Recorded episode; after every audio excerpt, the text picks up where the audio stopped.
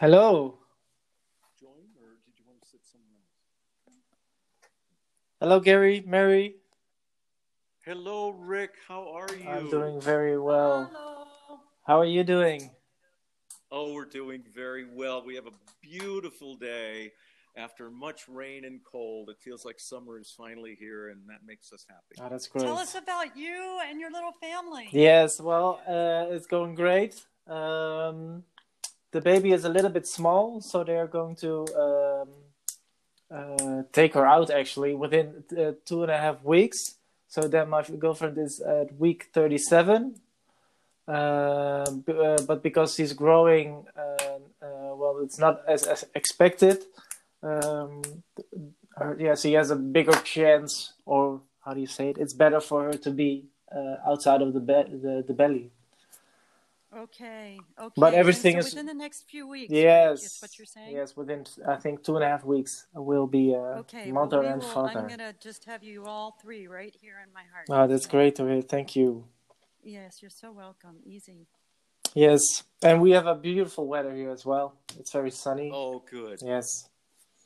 So before we start, uh, um, we- we are recording right now. But before we start the conversation for the podcast, um, um, I'm going. I'm going to ask uh, a few a brief introduction uh, uh, questions, and then we're just going to walk through the lessons, and then I would like to end with the, the new project, Full Ecology, to ask you something about that, and. Um, well, we're having a, a podcast with the three with three people. That's for the first time, so I'm just you know we're just gonna have a nice conversation and uh, feel free Hey, Rick, to. is there any way for you to turn your microphone up? We can hear you, but it's, we have to have the phone right up against our face. Ah, do you hear me better like this?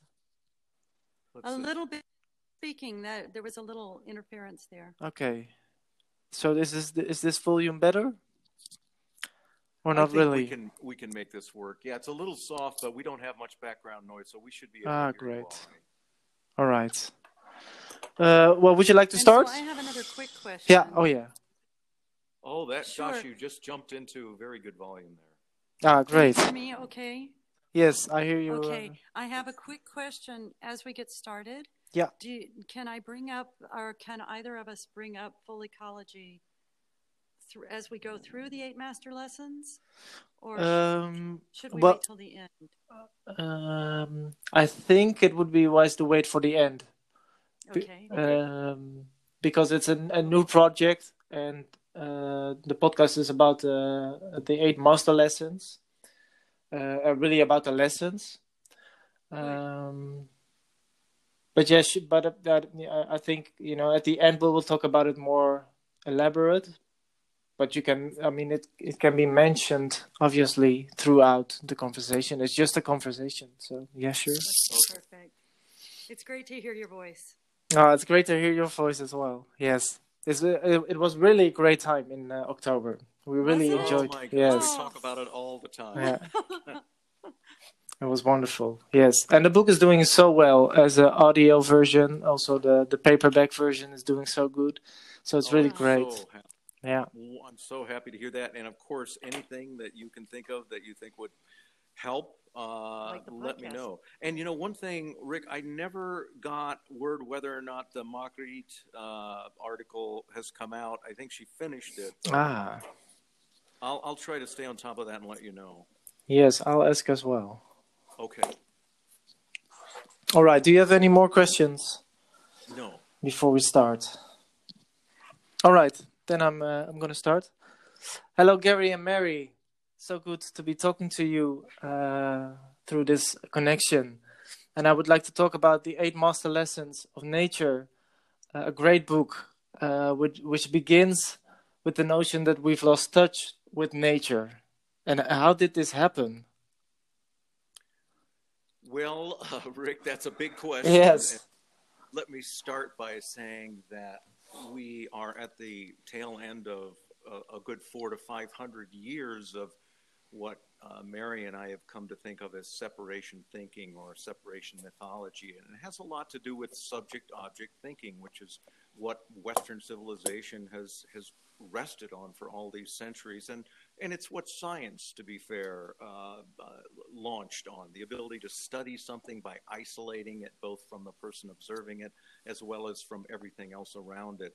And that did allow us to make wonderful discoveries. It's a kind of vision that's very useful in the world, but it is not reality.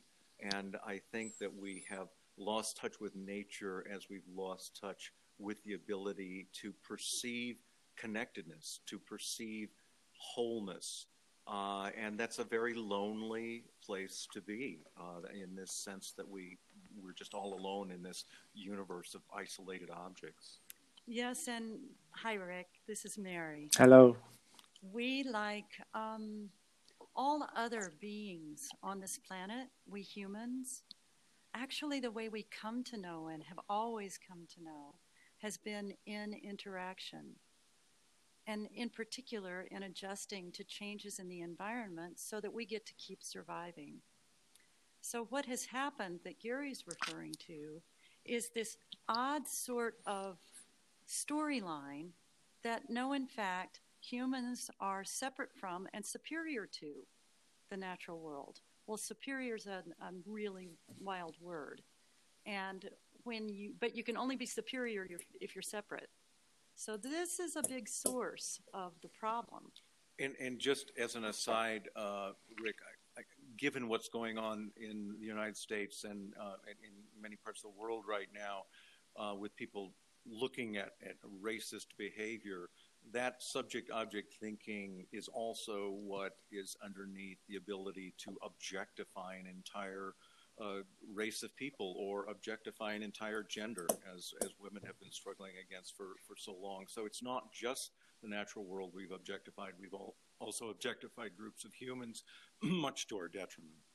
And uh, actually, everything that is not the self is an uh, is an object in the in the way we think. Yes. Yes. Yes, exactly. and and it's a strange thing too, from a the the standpoint of our social ecologies, the way we get along with each other and even get along with ourselves. Um, it, it looks like you end where your body ends, and in many ways you do. So that's the way you keep yourself safe, and that's the way you sustain yourself. But to do that so in opposition to another, that's an option. Yes. And the eight lessons uh, in the book they help us reconcile with nature, and I would like to uh, start with lesson one mystery um, embracing what we don't know.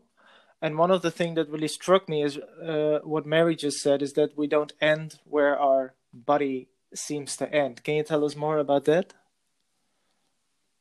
Yes that that level of um, of connection with life around us with this planet uh, it is really profoundly mysterious and i want to back up just for a minute in case somebody doesn't really believe the power of mystery. You know, no less than Albert Einstein used to advise his students if they had the choice between knowledge and mystery, they should always choose mystery. And, and, and in some ways, Einstein was referring to the fact that for you to really perceive the wonder of what's going on around you, but also for him, trying to solve some very complicated problems, to perceive the answers or partial solutions to those questions he was posing really depends on being anchored in the present moment. And the mysterious shows up in the present moment. We, we love to plan, we love to anticipate, we love to control. And this is, again, part of what we talked about earlier with uh, separation thinking. But when it comes down to it, life on Earth evolves in somewhat mysterious fashion dealing, as Mary mentioned earlier, with what's happening in the present moment. And so, if we can hold open uh, the fact that we don't know, the fact that we can't know, and make our best decisions given what the reality is in any given moment, we'll be, I think, a much happier species. And more humble. Indeed, indeed. Yes, that's maybe the starting point humility. Well, there's a measure of forgiving ourselves as a part of the mysterious. How's know? that so? Well, everything is mystery, and to get over the separation myth, we have to get become the right size. We have to be right sized. And part of that is the humility that you all just spoke about. And part of humility comes with being okay with not knowing everything, being okay with the mystery and the unknown. I, I mentioned in the book how Elaine Scarry at Harvard has talked about the beauty of nature being so powerful because it moves us, as she says, to the edge of the stage. So we're not center stage in the movie about me anymore. We're uh, in a state of wonder, seeing uh, connections, feeling like we're somehow connected to what's going on, but not needing to be in control of it. And that that's a that's a hallmark of mystery and a hallmark of the humility that comes with being open to the mysterious. And how can you, um, in a in a practical way, uh, confront yourself with this mystery? Is there something you can do? Well, look at connection. You know, look at your connection. What are the chances that we would have this conversation if it weren't for the tech that we're working with? That's astonishing all by itself. But where does the tech come from? You roll anything back, and you don't have to go too far before you get to the most successful system that has ever existed on this planet, and that is the natural world. And that's where all of this comes from all of these words, all of these ideas. We forget that very quickly. It's just a switch in perspective that is and equates to a switch in the way we treat one another and ourselves and the world around us. You know, I, me- I mentioned Einstein earlier. His favorite practice was to go out on the Princeton campus to what was called the Institute Woods and intentionally, essentially, blow his mind. And he did that by trying to conceive or imagine all of the systems that were operating in that little patch of woods. And we still can't even begin to do that today. There's, it, it overwhelms our ability to co- comprehend. But he knew that if he pursued that intellectually, you might say with his left brain, at some point that would melt down, that intellect would melt down, and he would be left with this sort of quiet, um, humble openness, a state through which he often was able to then perceive a different kind of set of solutions than he went into the woods hoping he would he would he would seek. And so um, this is a, a really important thing is maybe we need to just sort of go out into the natural world, blow our mind with all we don't understand, with all we can't know, and in that state of humility and openness and quietness and present moment awareness, um, then uh, the mystery will show itself. Yes, we can allow ourselves to be comforted by the fact of mystery. And uh, it also brings us this perspective of interconnectedness, which is also, I think, uh, a lesson too, uh, that life on Earth thrives thanks to a vast garden of connections. Yes, what Mary uh, hinted at earlier about not really knowing where any of us end and the rest of the world begins is is really the the profound level of connection that exists and that science and ecology is uncovering with every passing year. Um, it's a flood of fascinating information about just how connected we are, whether it's the fact that not only are we exchanging gases with trees when we walk under their branches, us giving carbon dioxide to them, them giving oxygen to us, but they're giving chemicals called phytoncides, which with every breath strengthen our immune system and even fortify our vital organs, including our heart. It's the sun uh, that sets our melatonin levels and other hormone levels that allow us to, say, sleep at night. Uh, our bodies are host to trillions of microorganisms that perform all kinds of essential functions, including uh, releasing the nutrient content of the food we eat. Bodies can use it. So it's just amazing and a source of great wonder and mystery to go into the world and, and, and ask yourself, do I really end at the edge of my skin? It's so great. Yeah. I also love the example you use from Zen Master Thich Nhat Hanh, uh, who uses the, the, the white paper uh, where everything is. Yeah. Uh, could you could you talk about that? About that example? Yes certainly, uh, Thich Nhat Hanh would hold up before his classes a sheet of white paper and then slowly but surely ask the people to consider um, how all of the world is contained in that piece of paper from the tree that, of course, grew the wood that was harvested that became the paper, but the sunlight that fed the tree, the person who cut down the tree having consumed wheat from a nearby field in his or her bread that enabled them to do the work necessary to cut the tree, the rain that fell on the tree when it was a sprout and allowed it to grow. And really, when you pick up any individual object, you, you it's, it's, a wonderful exercise, uh, spiritually and mentally, to consider the, that that fabric, that web of connections, uh, without which the world simply wouldn't exist. Yeah, that's so great. I mean, it's a really great exercise to do, and it's it really it really blows my mind to think like that. Perfect. yeah. uh, I want to go to lesson three, which I think we, we, we you uh, you've mentioned it earlier, Mary, uh, and I think it's one of the most important lessons that we today uh, have to learn from nature, and that is uh, the power of diversity. yes, that's uh, one of the things that is right in front of us now. Were you thinking of a question in particular? No, no, not not in particular. I, I was thinking, yeah, how does nature show us that diversity is essential to the way we live and, and, and what life is actually? Well, the first one of the first thoughts that comes to mind uh, sort of links back to what we've been saying up to now. We were having a conversation yesterday with a person who does a lot of work in regenerative agriculture. So that is restoring carbon sequestering capability to soils through grasses. Well, so we got into this conversation, which led, of course, to the fact that carbon is what we all share. So there's connection. None of us would be if carbon didn't exist. But the way that carbon is organized and expresses itself must be diverse or ecosystems cannot continue. We know that about the natural world. And I would suggest that our difficulties with social justice, with equity, come and, and with, with respect and, and, and really simple human kindness. We get away from the essence of our character by forgetting that if we don't have diversity, we don't continue to exist. Yeah, and it, it's interesting to look at cutting edge ecology, which really for, for now 30 or 40 years has understood that the number one predictor of resilience in any natural system is diversity.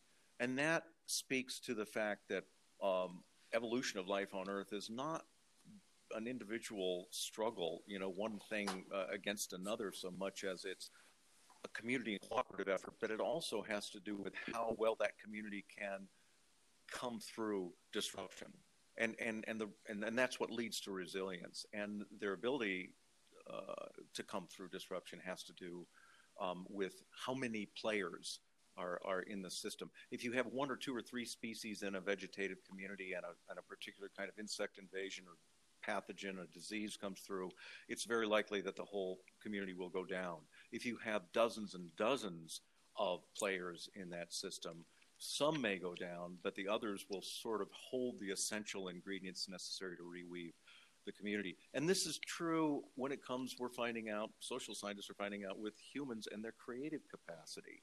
We're more creative scientifically, uh, corporate management wise, academically, by virtue of how much diversity we put into the group who's doing the thinking and the problem solving. And uh, of course, this lines up beautifully with the way the rest of life works on planet Earth.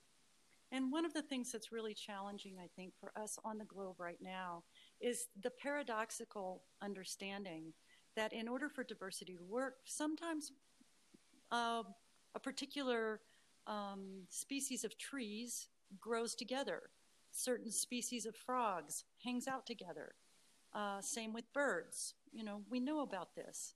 But that makes them even stronger when it comes to the different perspectives and different contributions coming to bear on perpetuating the healthy ecosystem. So when we see what is happening in this in our social situations, we see that sometimes people need to be with people who are most like them. But if they just stay there and get in opposition, that will never be sustained. So there's strength there, but there's also, uh, and Sandra Harding was a mathematical biophysicist and a historian who spoke about strong objectivity. And she suggested that we really need the perspectives of the people from the center of power to the outside and most marginal of power if we're going to keep a civilization healthy and really if we're going to redress unfair distributions of power. And Mary, you traveled across America interviewing a lot of people. Um, and what was the question you asked them? Well, it was back um, just after the first inauguration of the Obama administration. And I had been listening and hearing that no matter who people voted for during that presidential election, everyone was using this word change. And as a social psychologist, I knew that if you don't define what you mean, you set yourself up for being disappointed. Uh, a real good example is how people often say, I want to be happy. But nobody stops them and says, Well, that's cool. What would happy look like? How would you recognize it? So I decided to get into my car and go around the country and ask people what change meant to them. And I spoke with people from all different backgrounds, from all different um, cultural histories and socioeconomic situations in all different and many different states. And what I found at that time, and I suspect even with all of the difficulty in our country right now, I would continue to find there's way more overlap in what we really care about than difference. And what uh, are some key elements? Well, back then, uh, the primary thing on people's minds was ending the wars. Ah, yes. For so long back then. It shift in the in the next three years. By the time the book was published, and I was driving around the country again to just talk with communities about what I had learned, uh, the, the main concern had shifted to the economy. You know, and what we've had is just whiplash for months with COVID and with the, the various um, social protests that have come online around the world. And pretty much without fail, they are protests about social justice for all people. And that is heartening to see that that's that's happening. But wow, what's most important? Those things right now and the economy. So yeah. Yeah. Really in a disrupted state right now. Yes. Yes. Um, I think the book is in this way about emancipation. Um, not only about the diversity, but also about reclaiming our uh, feminine uh, side. To heal the planet, we have to recover our feminine side. Uh, Gary, can you elaborate on this?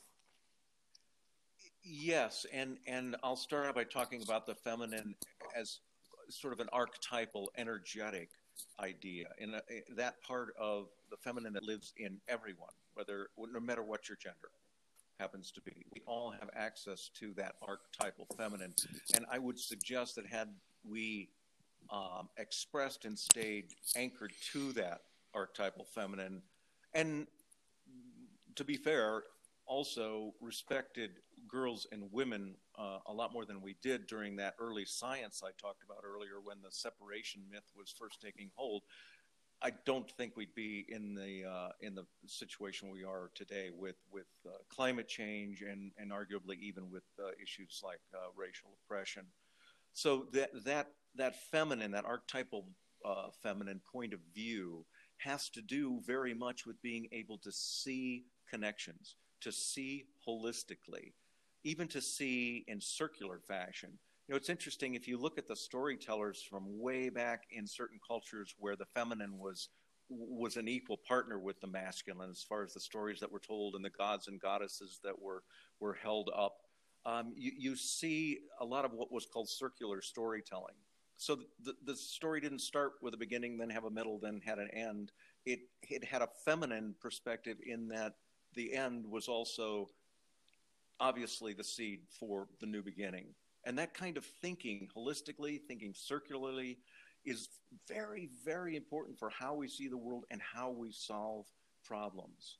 Uh, so, m- making peace and inviting that feminine, literally both in girls and women to participate fully in this culture, but also uh, for men of the dominant culture to open up to that notion that Lao Tzu talked about very long ago, 3,000 years ago, where the idea of the feminine is to feed and clothe all beings without any need to be master over them. That's great. That's where we need yes, yes. Ah, great. Um, I want to go back to the uh, subject and object thinking because I think that lesson five really relates to this. Um, it, the, the chapter is called "Our Animal Cousins Make Us Happier and Smarter." Smarter, and I think um, that we have grown to think that we're smarter and more evolved than animals, that we're, like you said earlier, apart from them, and that we cannot really learn anything from them anymore. Is that is that a, is that the notion uh, that you react against? I think that's very true, and Mary did suggest that earlier, and I and I totally agree that that subject object thinking is we, or at least we of the dominant culture, are the subjects, and everything else is uh, there really to, to serve our superior way of seeing and being in the world. Uh, what a profoundly arrogant uh, position to take. And ultimately has negative consequences on everybody, including the people of the dominant culture who are exhibiting that sort of behavior because we no longer think there is anything to learn from the natural world. When I spent so much time, so many years watching wolves as they returned to Yellowstone after having been exterminated back in the 1920s, they were reintroduced in the 1990s. It was really astonishing to see not only the various roles that each wolf played, but the connections that made them so successful um, the sharing of jobs, if you will, where one set of wolves would go off and hunt while the other ones would take care of the little pups, and then they would all switch off and each do uh, the other work. Um, the way they coordinated things with one another, no matter where they ranked in the social hierarchy, in order to hunt and to be successful, which is a very dangerous job to hunt as a wolf. Um, not only do wolves only succeed one out of every five times, but they also typically die uh, fairly prematurely at four and a half or five years old from being kicked by prey animals. So that kind of uh, coordination and that kind of community that's evident in that one species, and you can find it in elephants, you can find it in bonobos, you can find it in orca whales. Mm. Um, that sort of ability to get along and support individuals for the sake of the group is something that uh, animals, and especially social mammals, uh, are, are, really fairly shouting at us if we would just simply look and listen.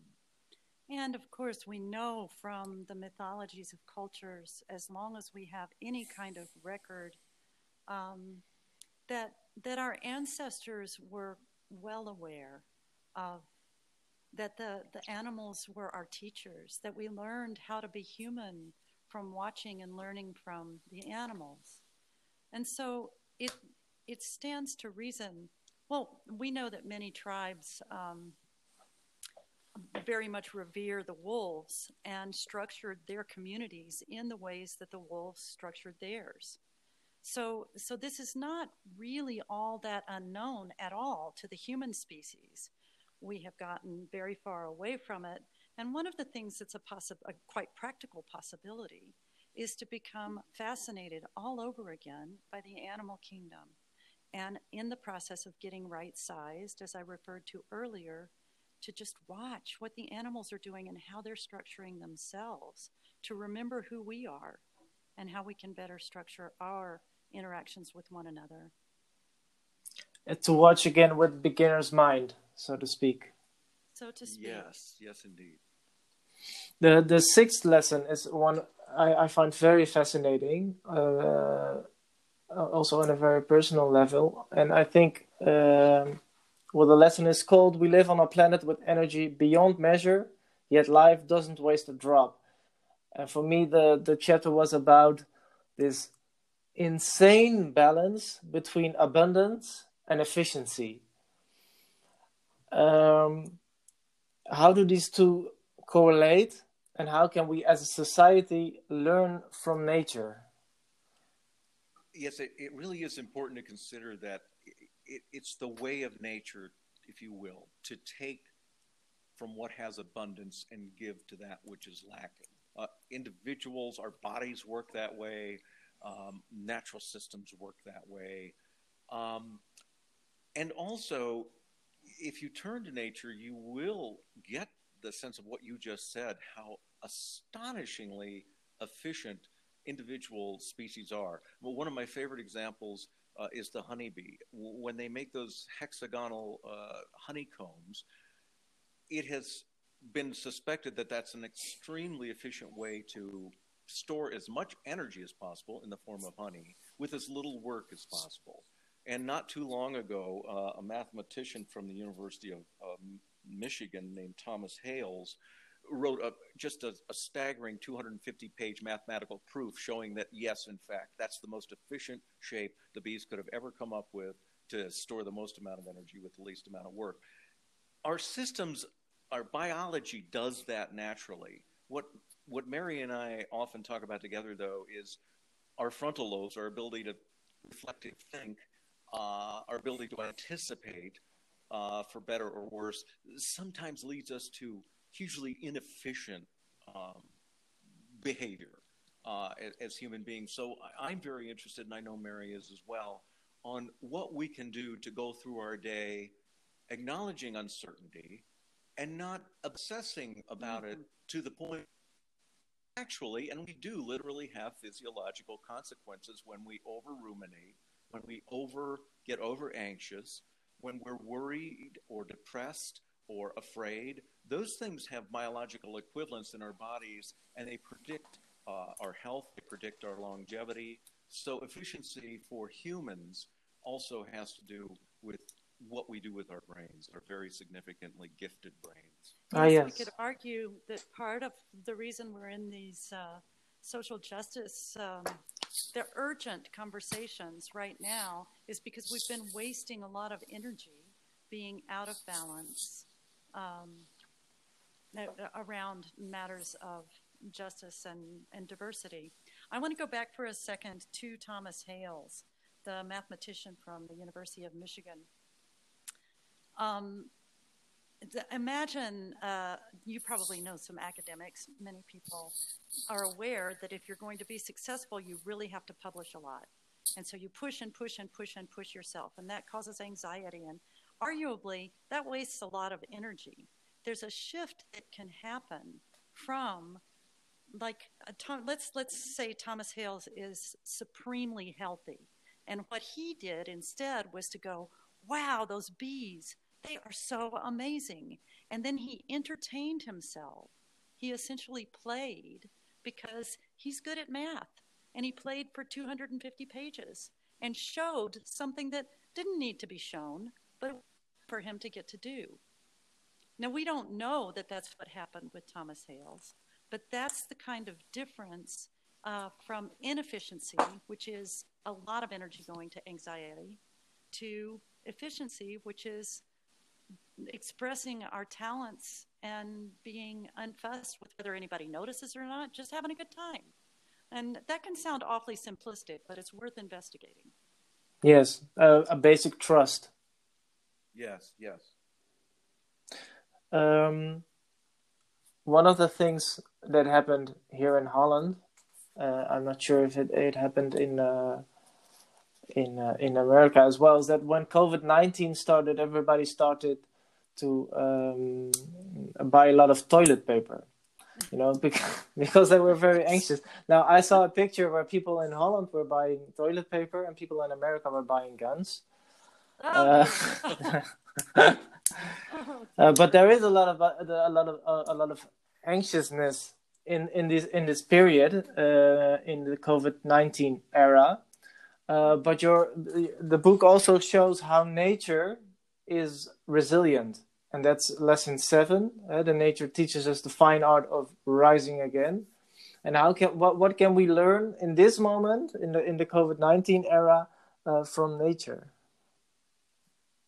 Well, if you go back to what we were talking about earlier, where life is as successful as it is on this planet, including human life, by virtue of what we've been able to do in the face of disruption. Because the fact is, there's been a lot of disruption in the history of life on Earth, and and the uh, the reaction to that disruption really has determined whether or not uh, a species will succeed or an ecosystem will succeed or not. What has happened over all of those years of evolution is nature, in, including humans, succeed by virtue of two things. One, developing strategies for sort of minimizing the blunt force of a traumatic event, of a big disruption. And the second is to make sure that the things that are necessary for the reweaving of life post disruption have been held um, at the ready.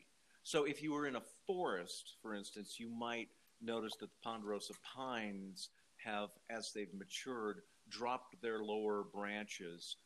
This is a reaction to the fact that they live in a place where fire disruption is fairly uh, common in the arid west of the United States. And so, over many, many, many tens of thousands of years, they've learned to drop their lower branches so that they can withstand the blunt force of the trauma of wildfire by not having that fire climb the tree and destroy the crown, which would destroy the entire tree. They've developed thick bark so they can withstand the fire. Now, if you go to the human world, um, suddenly we're in the midst of uh, the COVID 19 epidemic. What do we do to withstand the blunt force of the trauma? Well, two things. They're not very sexy, but they're very well proven. One is to distance ourselves socially, and the other is to wear masks that's a reaction to um, withstand the blunt force of the trauma. It would be far worse if we weren't doing those things or if we hadn't done those things. And the second thing remains to be seen. What do we need as a species, as a culture, as a community, as a country, uh, to maintain in the society so that when, as this, this particular crisis passes, we emerge, which is very true for nature, even stronger and more resilient than than we were before. And Mary might have a thought. Well, the thing that. that we know about evolutionary psychology and and evolutionary biology is that the reasons we human beings continue to be here uh, have everything to do with our native, our uh, natural, let's say it that way, our natural capacity for cooperation.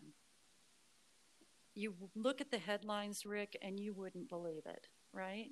the headlines would indicate that we're only at odds. We're only interested in, in harming one another and making sure we and ours make it whatever happens with anybody else.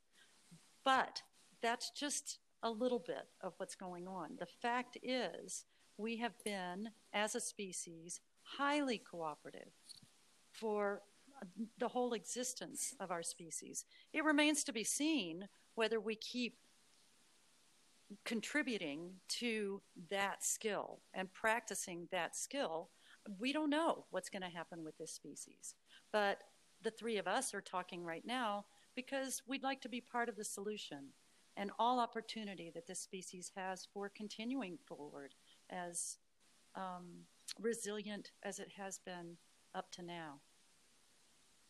And it, it lies in cooperation. And I think um, lesson eight is really about that cooperation um, with uh, the the with um, uh, with older people, older uh, our planet elders. That's how you call it. Um, I want to take out a, a quote. In nature, the strongest creature cultures are those that balance the energy and strength of youth with the experience of those who've been in the game of life for many years. Um, yes. I was you know, I was reading that, and I was also reading another book that's going to be published in a, in a in a year, I think, by one of our authors. And he his first sentence is, "We all want to grow old, but nobody wants to be it." well said. well, and and that may get increasingly. I don't know. That that may continue true, but it may not continue true. And I don't know if it always has been true.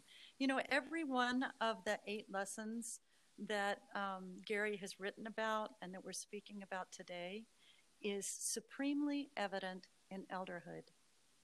You must have withstood with success so many disruptions by the time you get into old age.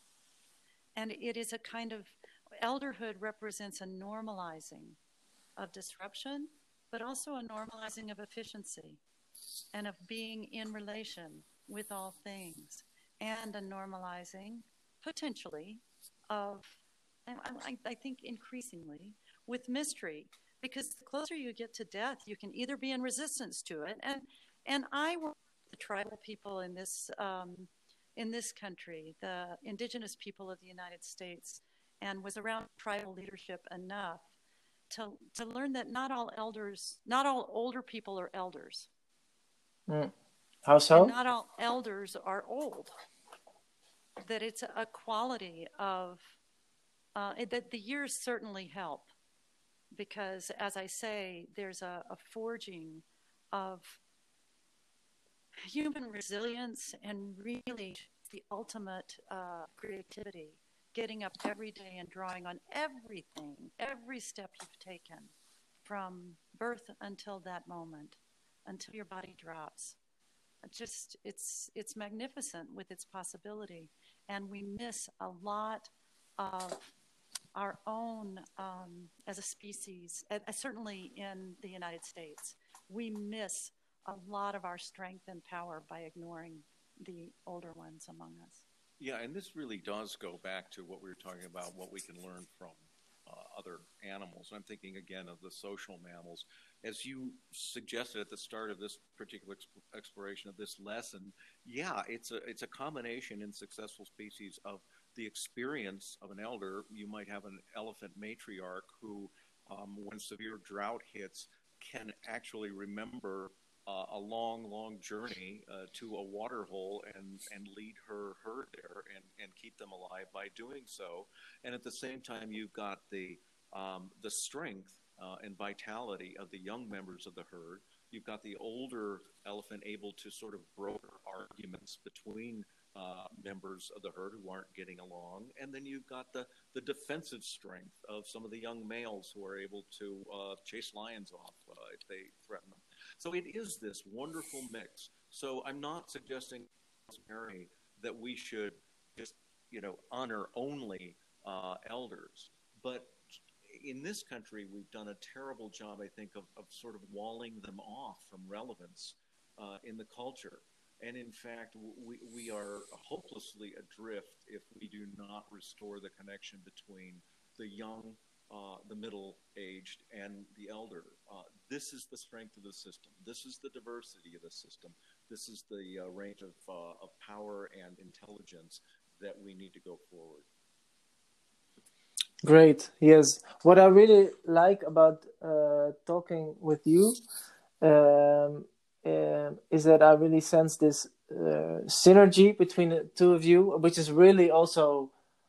Um, growing out of the book. You know, it's really about synergy, interconnectedness, seeing the whole.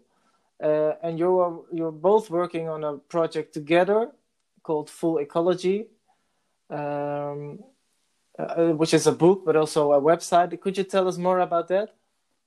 Yes, thanks for asking. Um, the thing that well, here's a mystery for you. Gary and I met each other against all odds, oh, seven plus years ago now. Um, but right shortly after we met, we realized that we both come from career paths that folks usually not associated, but really very complementary areas of thinking and knowing. Gary with conservation science, and me with social science. And we brought those two together. We kept seeing how they matched with each other. And in the urgency of climate breakdown, and now really in the urgency of what we're doing, our social environment, we have come to see again and again that we humans are only as able to live in harmony and actually in stewardship with the natural world so far as we are able to be in harmony and stewardship with one another and within ourselves.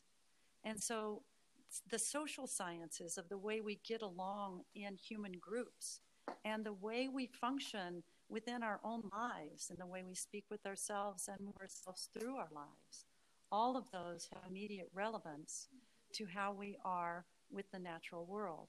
And uh, full ecology specifically is about rebuilding a relationship with the natural world. So taking the eight master lessons, although we, we don't refer to those explicitly in that in the book that's coming forward, what we say is that if you wish to be in relationship with nature, if you wish to reclaim your human nature, then it, it, these are four things that four steps that you can go through as a human to understand and heal yourself from the exclusive separation mythology that Gary spoke about early in our time. Yeah, we, we often uh, describe full ecology as the um, art of reclaiming uh, your human nature.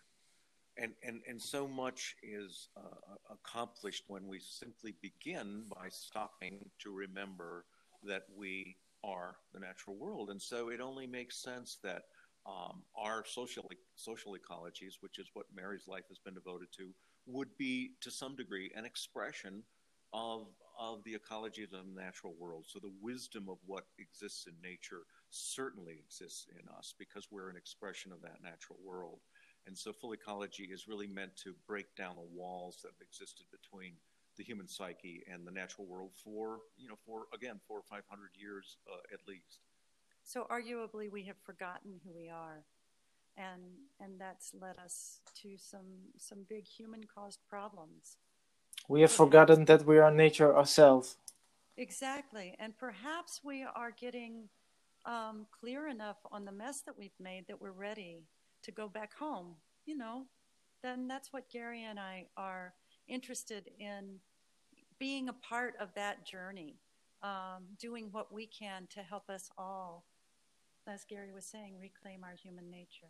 What, one of the most exciting things to me, uh, Rick, about the full ecology work is that it, it, takes a while to cultivate that perspective and, and, and that, that memory of yourself as the natural world. But as that comes online, it holds such a beautiful and reassuring and peaceful, uh, even exhilarating times sense of kinship, sense of belonging.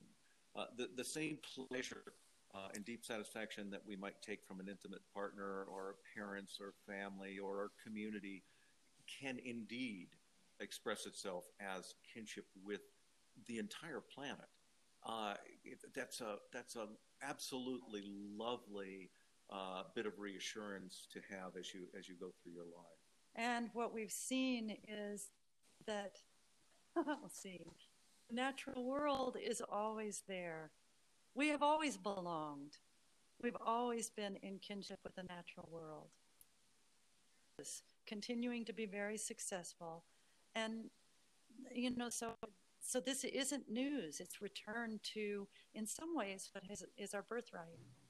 The moment you're born, nature expressing itself in nature. And, and we, we would probably say as well, Rick, uh, that if you're going to muster the kind of dedication needed to solve a problem like climate change, which is enormous, lots of clever technology will be involved, no question about it.